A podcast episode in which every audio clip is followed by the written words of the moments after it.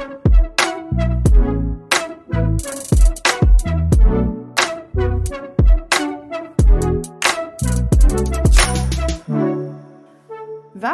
till På tal om marknadsföring. I den här podden träffar du mig, Frida Widesjö och Pernilla Kish. Tillsammans snackar vi om allt det där som rör att sticka ut ur bruset, hitta de återvända leadsen, göra karriär och mycket mer. Ja, varmt, varmt välkomna. Frida, idag cyklade jag till jobbet och jag höll på att frysa ihjäl. Alltså vad hände? Våren kom av sig. Det blev vinter. Det, det blev det verkligen. Eh, Och, och jag har liksom redan bytt till vårgarderob så att jag har liksom så här sneakers och lite upprullade jeans. Åh. Alltså mina anklar, alltså det var så här som att de höll på att förfrysa på vägen hit och jag har bara tio minuter på cykel. Ja, det är utsatt kroppsdel. Ah, Nej men alltså det har ju vänt igen. Så att, Mm. ja. Men Det Ja, var ju tack lite. vare podden nu Pernilla. Jag har ju Mm. bara i förra poddavsnittet så sa vi att jag skulle på eh, lite en så här träff med sälj och marknad och vi skulle göra massa härliga saker. Men jag Ja. blev ju supersjuk efter den inspelningen. Jag var ju lite krasslig då. Mm, Så att nu mm. har jag ju varit, jag var ju sjuk i nästan två veckor. Helt Nämen. off liksom.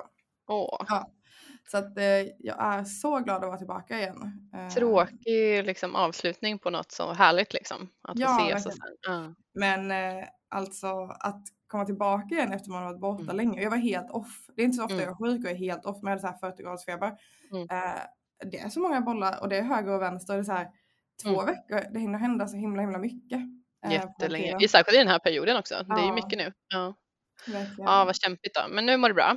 Ja, nu Mm. mår jag jättebra igen. Men eh, jag, eh, eh, folk säger till mig att jag fortfarande låter förkyld. Så jag tror att det, Ja. Just det. men så, det, det kanske jag gör. Men, eh, det, Men det där, har, det där är ett problem som jag också alltid har när jag blir förkyld. Att jag låter sen förkyld i typ två veckor efteråt. Det är Ja. inte så tacksamt. Nej. jag, är, in- jag är inte sjuk. Nej, exakt. Man får rättfärdiga det. Ja, gud. Just i dessa tider så när... Eh, Verkligen.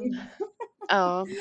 ja. Mm. Men eh, Pernilla, du har ju gjort massa spännande saker senaste veckorna. Du har ju Mm. varit på eh, Mm. träff med sälj och marknadsteamet i Ja. Sverige.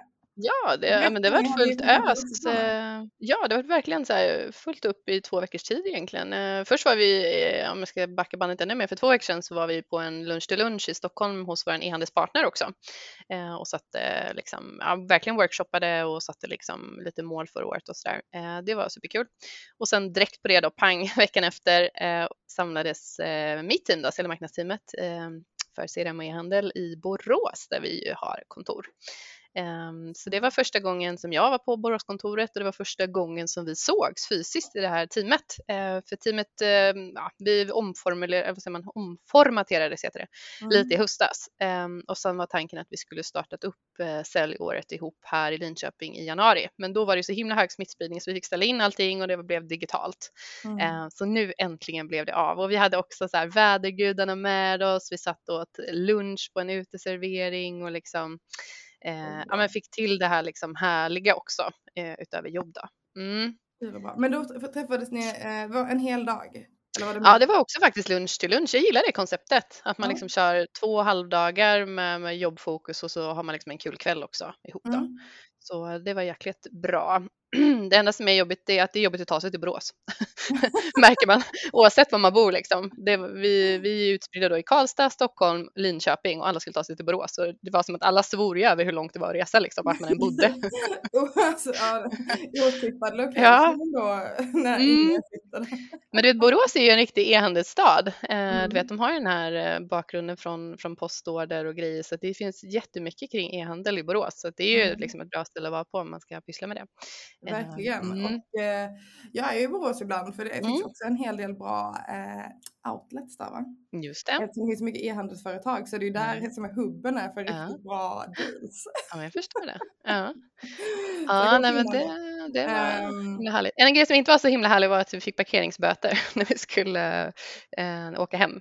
Mhm. För, och det var mitt fel för att jag hade liksom, eh, du vet, kom fram, skulle ställa oss under parkeringshus där, och så skulle vi in, kontoret ligger liksom i samma hus. Eh, och så först så svor jag lite över att det var så jävla dyr parkering liksom. Det kostade typ så här 400 spänn eller någonting för ett dygn liksom.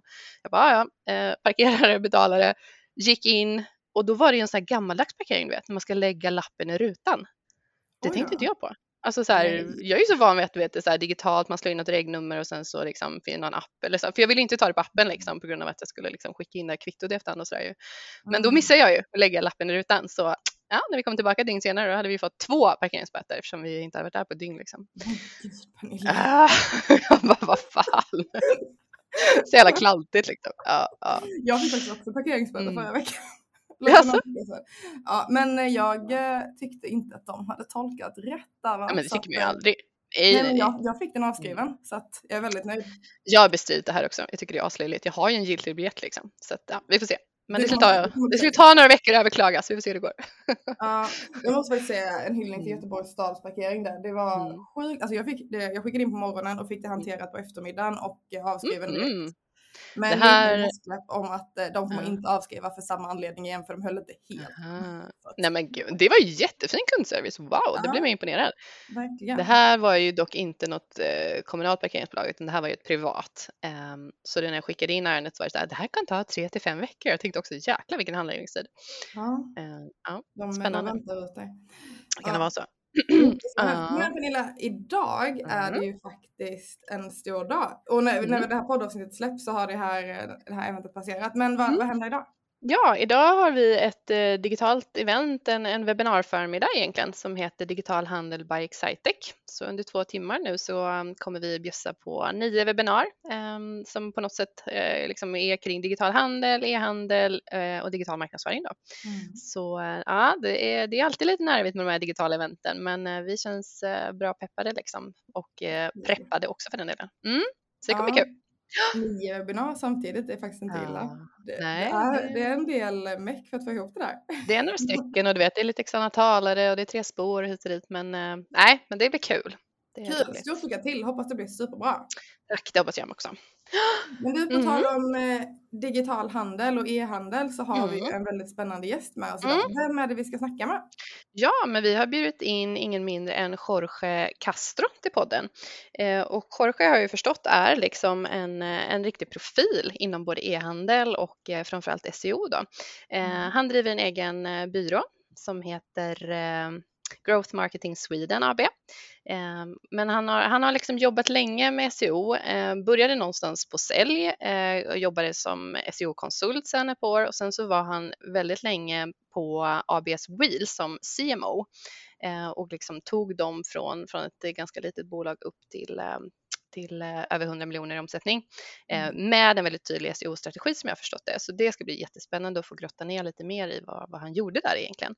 Eh, men, men han är liksom en profil på LinkedIn. Han har över 12 000 följare där. Eh, han sitter med i juryn på Swedish SEO Awards. Eh, han har fått liksom väldigt fina utmärkelser också. Han blev bland annat årets marknadsförare 2021 utav e-commerce recruit eh, och sen här har han varit med på listan över en av eh, eller han har varit med på listan över Sveriges 101 supertalanger i veckans affärer. Så att det är liksom inte dåligt vad, vad han har fått eh, fin eh, respons. Mm. Verkligen, det är helt sjukt. Det blir så spännande att lära känna eh, Ja. mer och se vad det är som ligger bakom den här framgången och eh, förhoppningsvis få hans bästa tips. Jag, Mm. jag har förstått att han har en del tips och tricks eh, i rockärmen skulle jag säga. Men det har han säkert och, och jag tror så här, vad jag kan minnas i alla fall Frida, du får rätta mig, men jag tror inte vi har pratat så mycket liksom growth marketing i, i podden, alltså så specifikt tidigare, så att jag tänker att det får kanske blir lite den röda tråden idag. Ja. Precis, för growth, både growth marketing och growth hacking är ju två koncept som man hör en hel del och det Mm. finns ju eh, personer som har de här rollerna på olika Mm. företag. Så vad det egentligen innebär ska bli intressant att höra från någon som faktiskt har, har anammat och startat företag inom just den här genren. Verkligen, Men nu tycker jag vi kör igång och bjuder in Jorge till samtalet. det gör vi. Ja, välkommen Jorge, hur känns det att vara med i podden? Fantastiskt, känns riktigt bra. Vi är så glada för att ha med dig. Du är en eftertraktad eh, poddgäst har jag förstått. Hur många poddar har varit med dig? Håller du räkningen? Oj, helt ärligt så har jag tappat bort räkningen, men jag har varit med i de allra flesta marknadsföringspoddarna. Ja.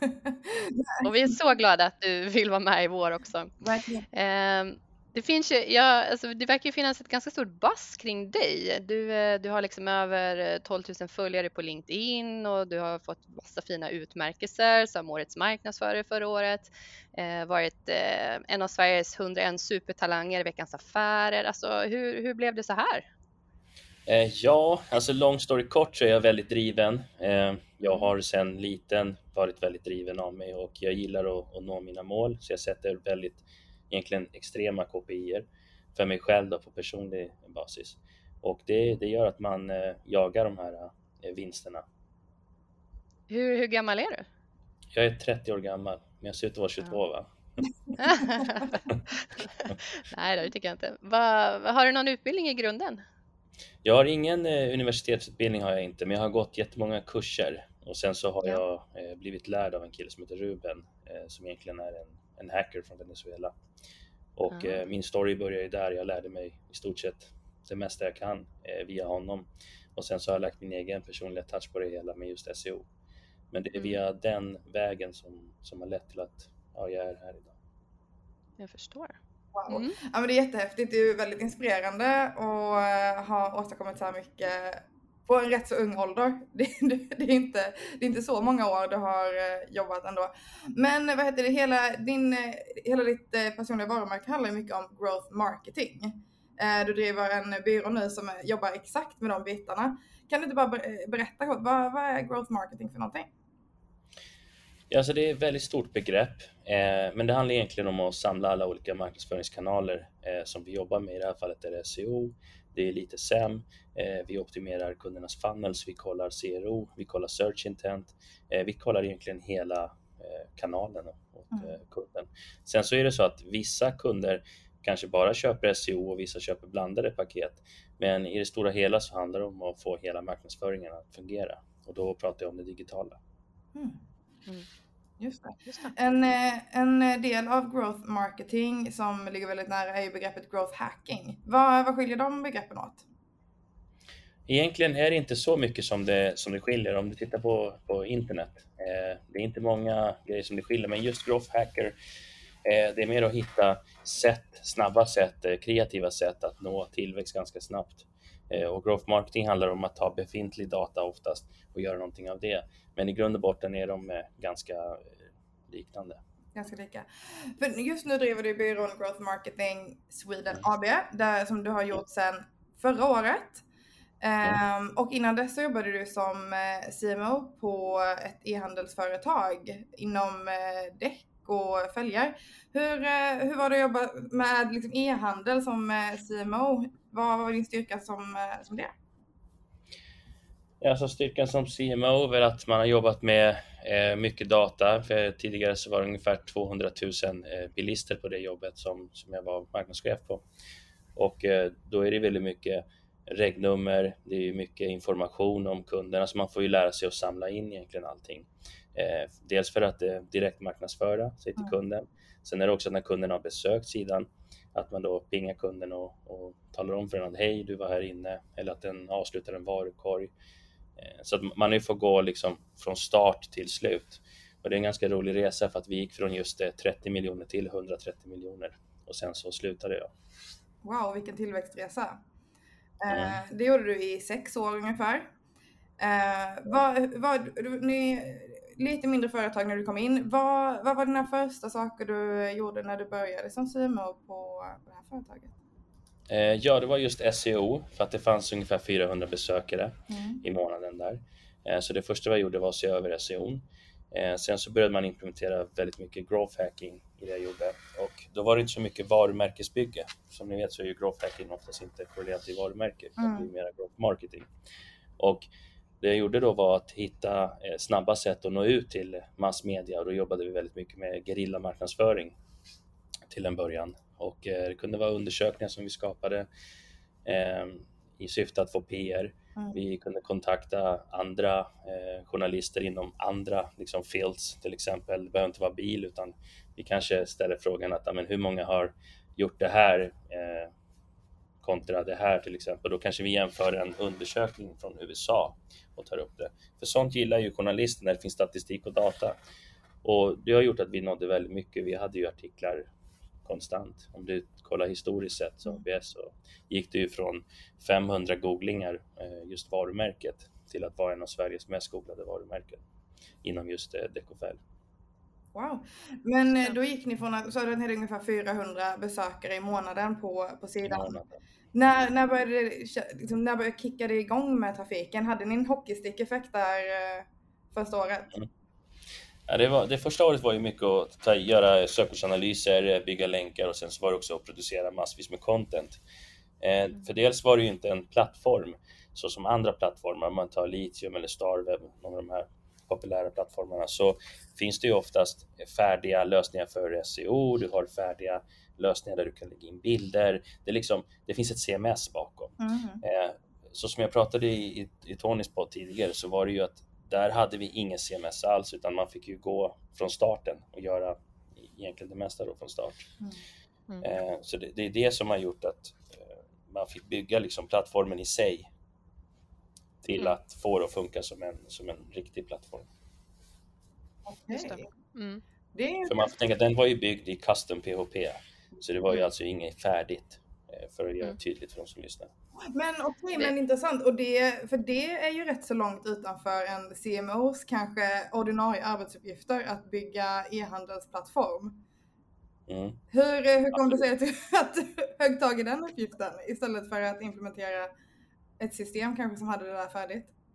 Mm. Eh, dels var det i form av en budgetfråga, för man får tänka att när jag började så var ju det företaget ganska litet. Och sen var det en annan grej att eh, nuvarande eh, ägaren då till, till det företaget ville ju bibehålla eh, sin egen plattform så att han, han ägde allting, eh, vilket är ganska smart. Men Eh, nackdelen där var ju att vi fick implementera saker som inte fanns där, mm. till exempel som det här CMS och då var ju mitt jobb som CMO givetvis att få allt att fungera och mm. det är lite som att bygga ett hus. Du kan inte dra elen i efterhand utan elen måste finnas där. Mm. Eh, så givetvis måste plattformen fungera innan vi kan implementera SEO. Mm, mm. Hur lång tid skulle du säga att det tog att få alla de här bitarna på plats? För det, det känns som en rätt så vanlig situation för en eh, marknadschef. Om man kommer in som ny marknadschef, man ser kanske en, en webb som hankar sig fram lite, men det kanske finns lite där skalet finns på plats. Så att ens första arbetsuppgift kanske ofta blir det här att göra sökordsanalyserna, kanske ta in en byrå som hjälper till, få, få till liksom SEO och webbhälsa. Du började ju lite tidigare här. Det, det, var, det var en bit innan du kunde hugga tag i de frågorna. Hur lång tid tog det innan du kunde liksom börja fokusera på SEO-bitarna? Jag skulle säga att det tog ungefär en, en tre månader att implementera alla lösningar. Mm. Men sen var det också saker som byggdes längs vägens gång. Eh, så det var inte så att allting gjordes direkt. Men mycket var ju att vi gick in på just SEO ganska tidigt för att bygga ut landningssidor. Då behövde vi ha en funktion för att kunna bygga landningssidor och spotta ut sådana här sidor. Mm. Eh, så det var en av de första grejerna och i, i takt med det så började man generera trafik och då körde vi väldigt mycket på långtail trafiken, då, alltså lång, långa sökord. Och, och därmed så börjar vi internlänka mycket för att styra upp det till de mindre eh, sökorden. Och med mindre, då menar jag alltså eh, money keywords, det vill säga ord som kanske, ja men säg ordet fälgar exempelvis. Mm. Att du kommer in till fälgar, den kanske söks eh, 19 000 gånger, men att det leder till att du blir eh, nummer ett. Så man får ju sköta om hela strukturen från början. Och eh, en del av det var ju att få ut sidan ganska snabbt, nå ut till bilister. Mm. Mm. Ja, väldigt imponerande. Eh, du nämnde att en del eh, som du gjorde i början där också var ju såklart att bygga upp eh, content. Gjorde ni content själva eller kunde ni outsourca det? Hade ni Vi gjorde allting själva faktiskt under min tid där. Utan allting gjordes själva. Så content skrev jag egentligen på kvällar. Jag mm. jobbade mm. i stort sett dygnet runt med det här projektet. Det, det lät väldigt, väldigt snabbt med tre månader. Men eh, så att man kan säga sex månader egentligen då, man skulle jobbat normala arbetstider. Ja, det kan man säga absolut. Sen ja. så har jag ju kraftig ADHD så att jag, det finns ja. ingen stopp i mig. Utan när jag sitter här idag på kontoret så måste frun komma och säga ja, det är dags att gå hem nu, klockan är 11 på natten. Ja. Så att jag jobbar ju väldigt mycket och jag gillar det för att det, det, det är min stil. Och eh, i det här projektet så jobbade jag liksom hela tiden. Jag jobbade med mm. helger och höll på hela tiden. Och mycket var ju det, men vi hade inte budget. Då fick man ju skriva mm. texter. Så att jag är ju inte en content writer i början, men jag blev ju det till slut. Och det var ju mycket felstavningar och särskrivningar och, och man fick ju liksom träna sig fram. Mm. Eh, så de första 400 inläggen som jag skrev, då gjorde jag oftast en, jag la en halvtimme per inlägg ungefär. Mm. Ibland kunde det vara så här 10 minuter bara för att få ut en lång tips när man väl... Vad är din Vad är din rekommendation till, till kunder idag gällande content, alltså det här om man ska outsourca eller skriva själv? För det här har varit uppe på det många gånger med olika marknadschefer um, och många kanske så här, traditionellt har börjat med att producera sitt eget content och så har de sedan i efterhand tänkt att varför gjorde vi så där? Alltså det, det tog så lång tid liksom. Vi borde bara outsourca det direkt, men, men det är liksom kanske där man börjar. Uh, jag menar ni då som träffar så mycket kunder, uh, det är klart att det måste komma på tal. Vad, vad brukar du rekommendera? Mm. idag rekommenderar de oftast att eh, göra en content brief. Mm. Vad de tror att, eh, vilken search intent det finns bakom innehållet. För det vet bara kunden själv. Det kan inte vi veta, för de känner sin målgrupp bäst. De vet ju kunden, de vet ju hur de snackar, de vet ju branschspråket, de vet ju vad det är för typ av ordval och om saker kallas på ett visst sätt. Så den datan behöver man ju få in först och då ställer man ju frågan till kunden och de ger dig en content brief som jag skickar ut. Sen när jag har den, då brukar jag göra beställningen hos en contentbyrå. Så mm. jag sätter mig inte själv och skriver, men man, man kan säga att man sätter en viss stämpel på det. Mm. Så för att svara på frågan, jag skulle säga att det bästa är att eh, ge texterna idag till en contentbyrå, men att låta kunden också vara med i själva beställningen. Ja, just det. Just det. Klokt. Um, jag är lite nyfiken också så här, vad, vi har pratat också mycket i podden om att så här, förväntningarna på, på en marknadsförare eller marknadschef idag eh, känns liksom högre än någonsin tror jag. Alltså så här, man ska kunna SEO många gånger, man ska kunna producera content, man ska ha strategier, man ska leverera, leverera leads eh, på liksom månadsbasis. Va, vad tänker du liksom om förväntningarna på dagens marknadsförare? Är de rimliga tycker du? Eh, jag skulle säga ja, alltså man måste ju vara en, en egen byrå i sig. Mm. Eh, men det betyder inte att man behöver veta, vara expert inom allt. Eh, till exempel i mitt fall, jag höll ju eh, koll på föregående arbetsplats, deras mm. ads-konto exempelvis, deras sociala medier. Så att jag fick ju lära mig allting, även affiliate-marknadsföring höll jag koll på samtidigt som jag hade SEO.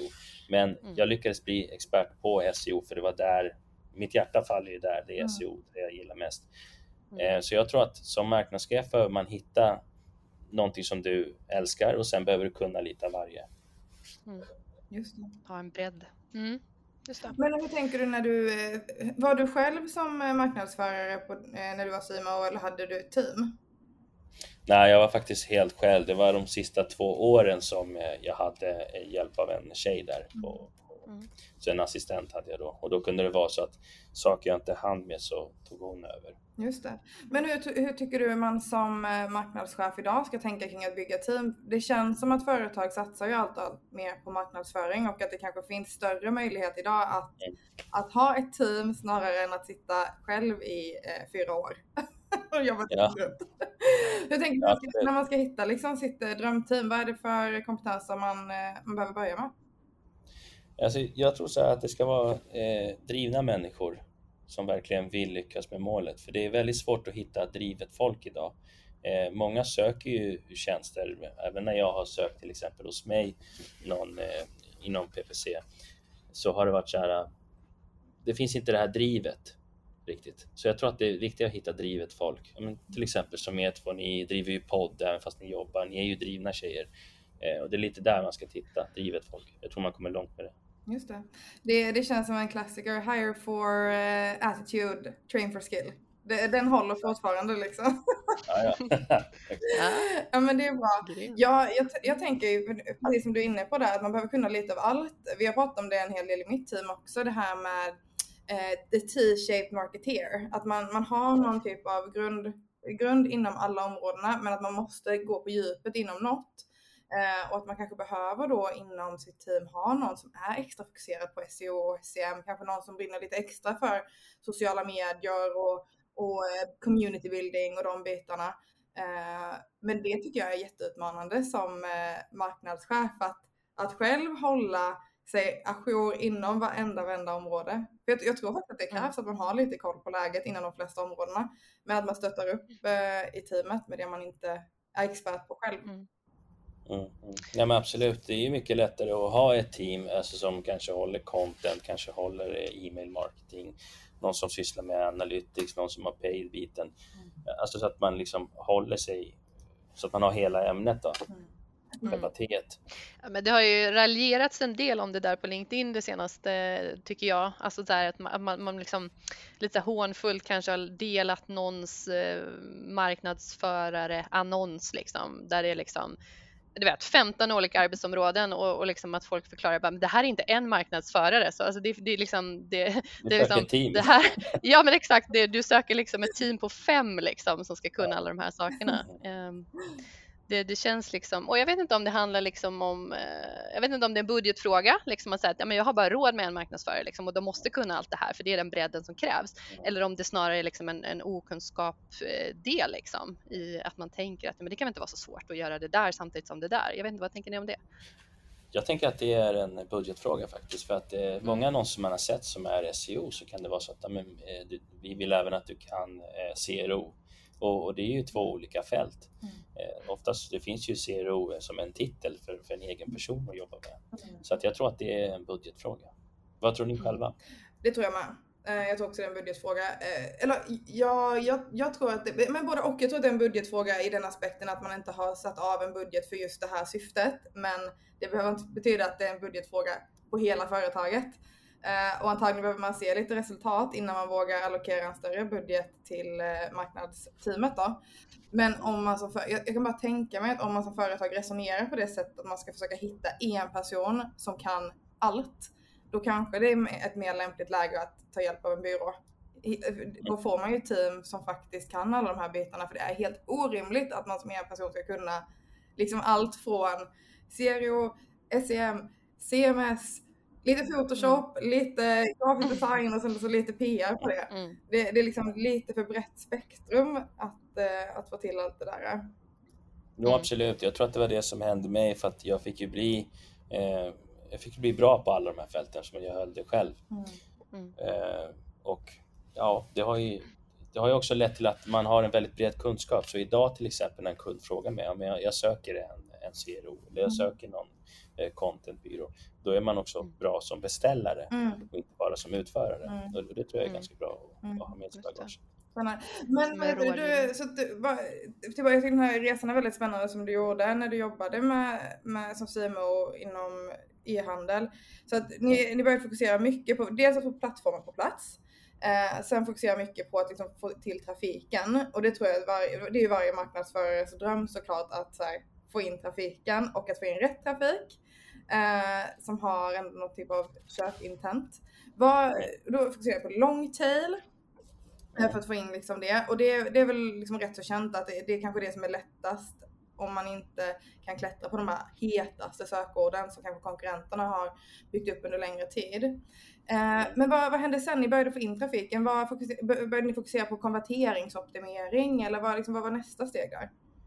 Alltså nästa steg när trafiken var inne så var det ju att konverteringsoptimera och då körde vi mycket hotjar.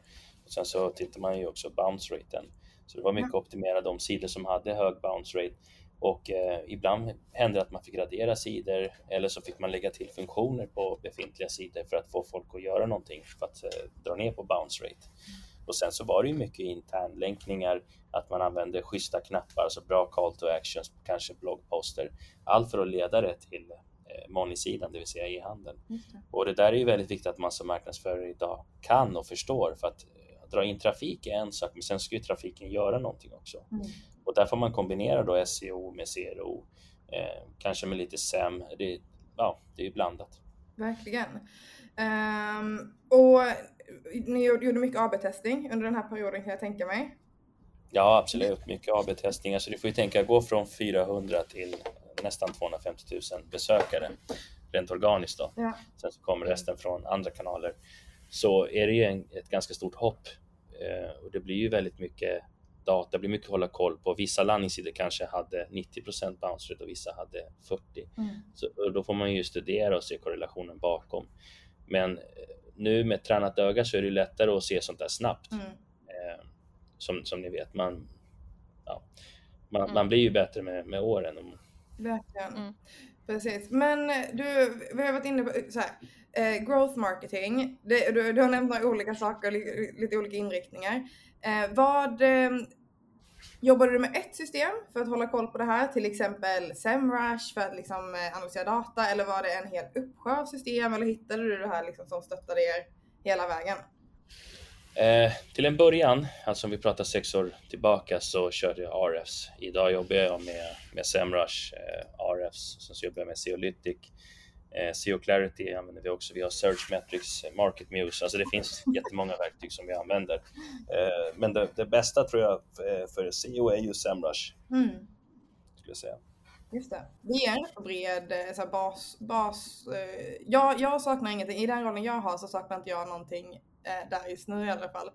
Eh, så finns det säkert mycket mer nischer jag hade kunnat kolla på egentligen. Um, för att uh, AB-testa webben, vad, vad, jobbar ni med där? Uh, för att se ifall en CTA ligger på rätt ställe, ifall ni borde flytta den eller? Mm? Mm, absolut, du har ju Optimizely uh, och sen är det Hotjar som är, mm. kör. Vilka använder ni själva? Vi, vi använder, jobbar med HubSpot Uh, så att uh, det, det, har rätt så bra verktyg för att liksom AB-testa rätt så snabbt och smidigt tycker jag. Och jag, jag tenderar att gå mer för snabbt och smidigt och typ rätt än uh, djup, djupanalysera och bli exakt rätt. Um, men sen har vi testat flera olika, Lucky Orange bland annat för att se heatmaps på, på själva webben. Eh, det finns inbyggt i några olika system vi jobbar med nu kopplat till leads. Eh, Leadfeeder bland annat har ju det inbyggt för att se hur leads eh, rör sig på webben. Um, så att, eh, och det, jag tycker det är rätt så vettigt att eh, kanske inte alltid hålla koll på heatmappen för jag tycker inte det är så relevant att sitta och kolla varje dag på hur besökare rör sig. Men att göra det någon gång ibland och det är helt sanslöst vad man kan få för insikter kring till exempel sin meny. Eh, vissa saker man tror ska vara jätterelevanta att ha i menyn kanske inte ens används eh, och då tar det onödigt space att ha det överhuvudtaget. Eh, så det tycker jag är ett rätt lätt sätt att få lite kontroll på hur, hur webben mm. fungerar. fungerar. Ja, men jag håller med och grejen med Optimize du kan ju integrera med Hotjar. Men det är så roligt för ibland kan man se till exempel att någon, eh, vi ser att människor klickar på en bild och då är det så här, men vad fan, lägg en knapp på mm. bilden eller länka den någonstans för att datan ser ju folk väljer att klicka här. Mm. Eh, så att då, då, får man ju optimera på, på den vägen. Mm. Så det, det, är absolut, det är superkul. Och idag handlar ju SEO mycket om search intent. Mm. Eh, för Google blir ju smartare. Det, det, är så, det, det går ju inte liksom att hassla till sig idag eh, rankings utan Google är ju väldigt smarta, de har ju machine learning mm. och de förstår ju sökavsikten. Ibland när du skriver äpple så kan det komma så här äppel så kommer förslag mos och liksom andra sökningar. Mm. Så att de har ju blivit mycket smartare. Jag tror att optimeringen kring search intent har ju blivit att ja, både SEO och SEO går i stort sett hand i hand. För att har du bra SEO men folket kommer liksom in på sidan, de bouncear, du har hög bounce rate, mm. då är det ju kortvarig SEO som du har. Så att det viktiga är att uh, göra det enkelt för Google för att affärsidén handlar om att okej, okay, vi ska visa det bästa resultatet för våra besökare. Givetvis mm. så som SEO-expert så tittar du om det är ett nytt sökord, du tittar ju på Google, okej, okay, de här rankar topp 5. Vad gör de bra kontra de som rankar sidan 2 och 3? För då vet man, okej, okay, skit i alla de här, så börja den här vägen. Mm. Vi, alltså Steal with Pride, brukar jag säga. Mm.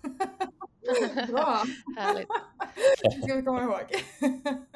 en sak som jag funderat lite på det är ju eh, growth marketing kopplat till SaaS-världen på något sätt. Mm. Eh, jag tänker så här, SaaS-bolagen de är ju liksom födda och menade att skala liksom i princip direkt och man har liksom eh, som ofta som tillväxtstrategi att man direkt ska ta sig in på flera marknader eh, utanför Sverige och så vidare. Vad, vad, kan du skicka med för growth marketing tips om man, om man jobbar i ett SaaS-bolag eh, som liksom nyligen startat? Är det något speciellt att tänka på där tänker jag? Jag skulle säga, gör inga beslut som inte är datadrivna, alltså databaserade beslut. Det vill säga, söker folk på ett visst sätt, så anknyt allt du gör till det sättet. Det vill säga, få inte för dig och bara, ja, men eh, vi tror att folk söker så här, för det är det vanligaste problemet jag märker. Att företag mm. tror på ett visst sätt, att folk gör på ett visst sätt. Men det finns ingen mm. data som styrker det. Så använd dig gärna av datadrivna beslut när, när du ska göra saker. Det, det är mitt Just snabba det. test. Ja. Är det något mer man behöver ta hänsyn till om man, liksom, man startar i Sverige och sen så tre månader senare så är man i, i Norge och Benelux och eh, Storbritannien? Alltså är det något specifikt där också att tänka på? Absolut, det är ju olika data på, beroende på land. Mm. Så det som funkar mm. i Sverige kanske inte funkar i Norge. Mm. Just det. Så det är väldigt viktigt att Mm. anpassa sig. Så många tror ju att man kan lyfta över samma strategi, samma sätt till ett annat land.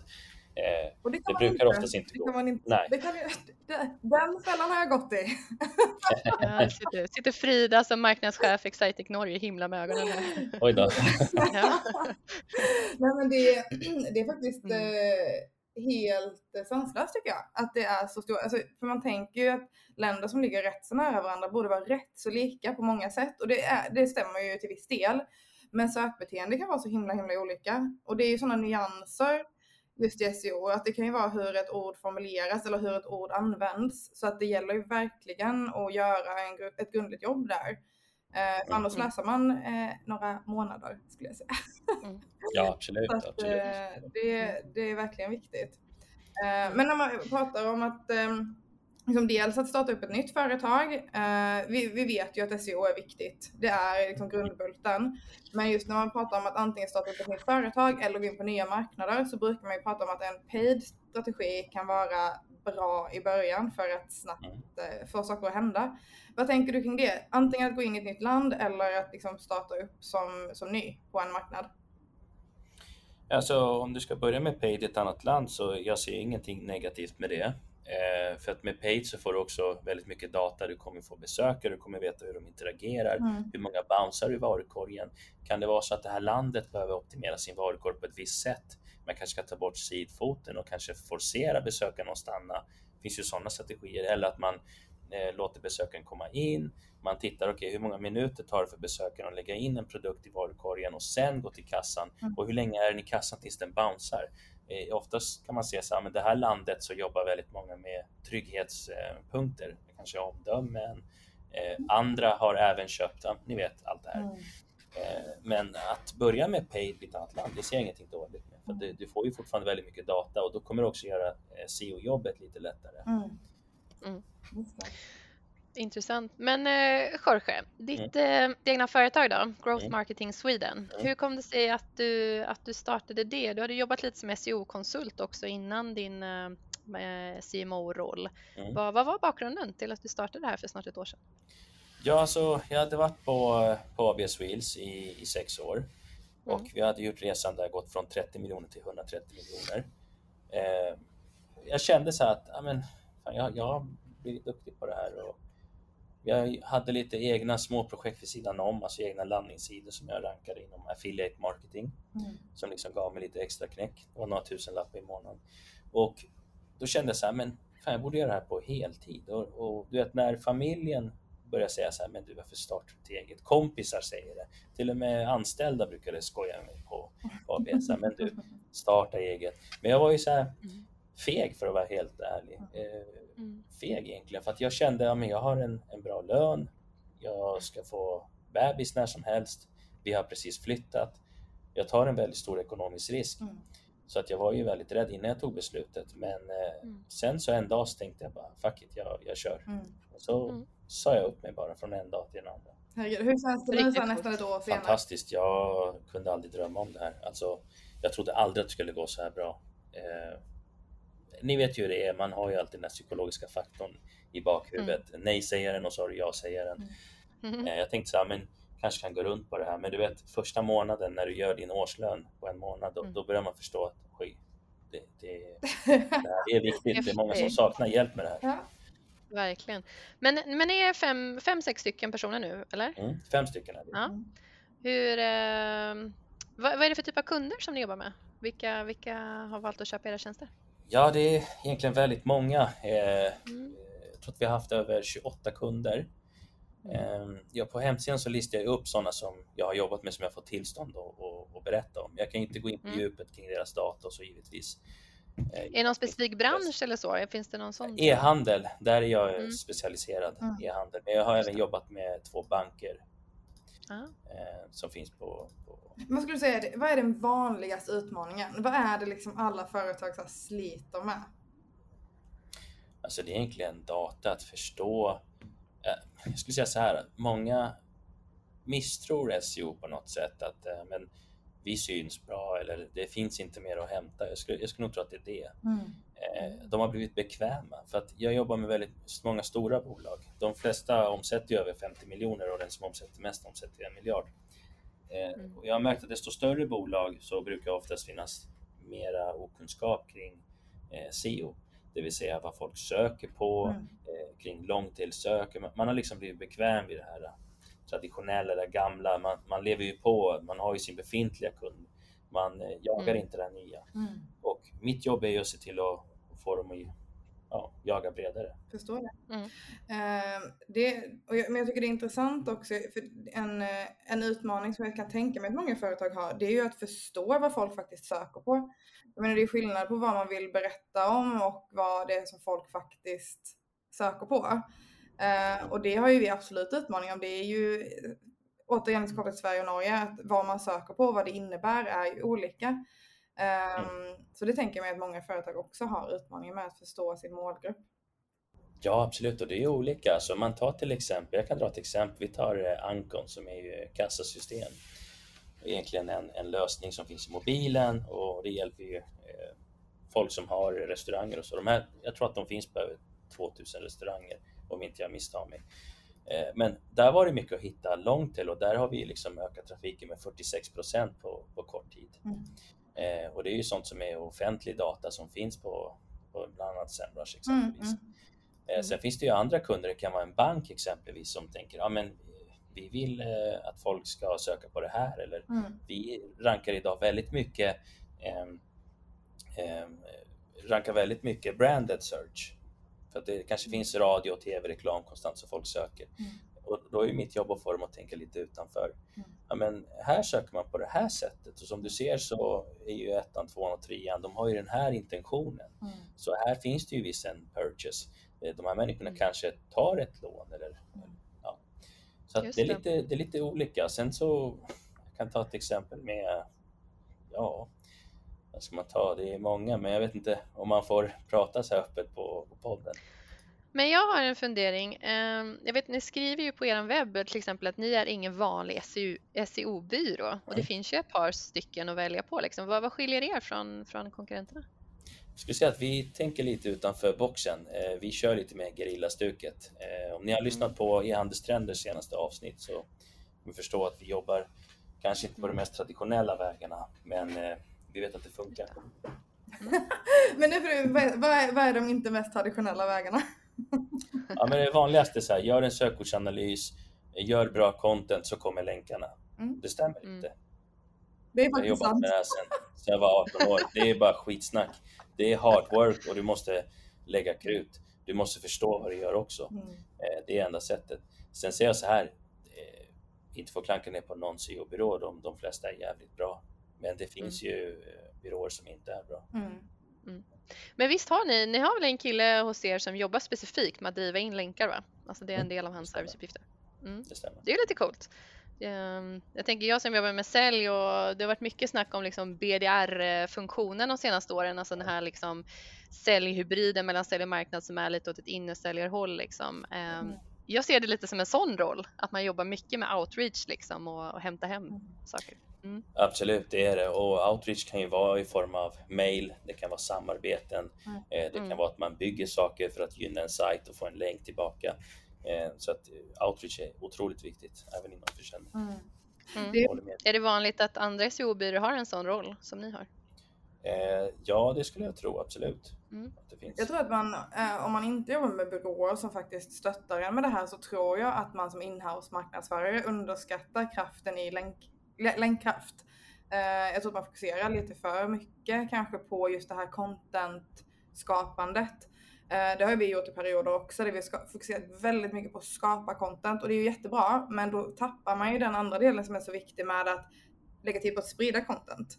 Eh, det var någon föreläsare som sa till mig någon gång att man ska lägga 20% av sin tid på att skapa content och 80% av sin tid på att sprida det. Och då handlar det om att det handlar ju om allt från liksom att sprida det på sociala medier, i mejl, i nätverk, i eh, att hitta länkar, att publicera det på andra sajter. Men, och det är ju, det är ju säljjobb också. Att faktiskt höra av sitt företag och se om man kan göra ett utbyte, kanske gästblogga hos någon, någon gästblogga hos en. Det är ju ett, ett helt annat mm. sätt att tänka. Eh, där tror jag marknadsförare, kanske speciellt B2B, kan bli bättre. Mm. Ja, absolut. Obekvämt också. Håller, ja. håller med. Mm. Ja, ja, men grymt Jorge. Vi skulle kunna sitta länge här och snacka, men vi får börja runda av. Men eh, jag har faktiskt en sista fråga och det är lite egentligen att loopa tillbaka till där vi började den här podden där du sa att du är extremt driven. Du har alltid haft väldigt tydliga mål för, för din egen personliga utveckling.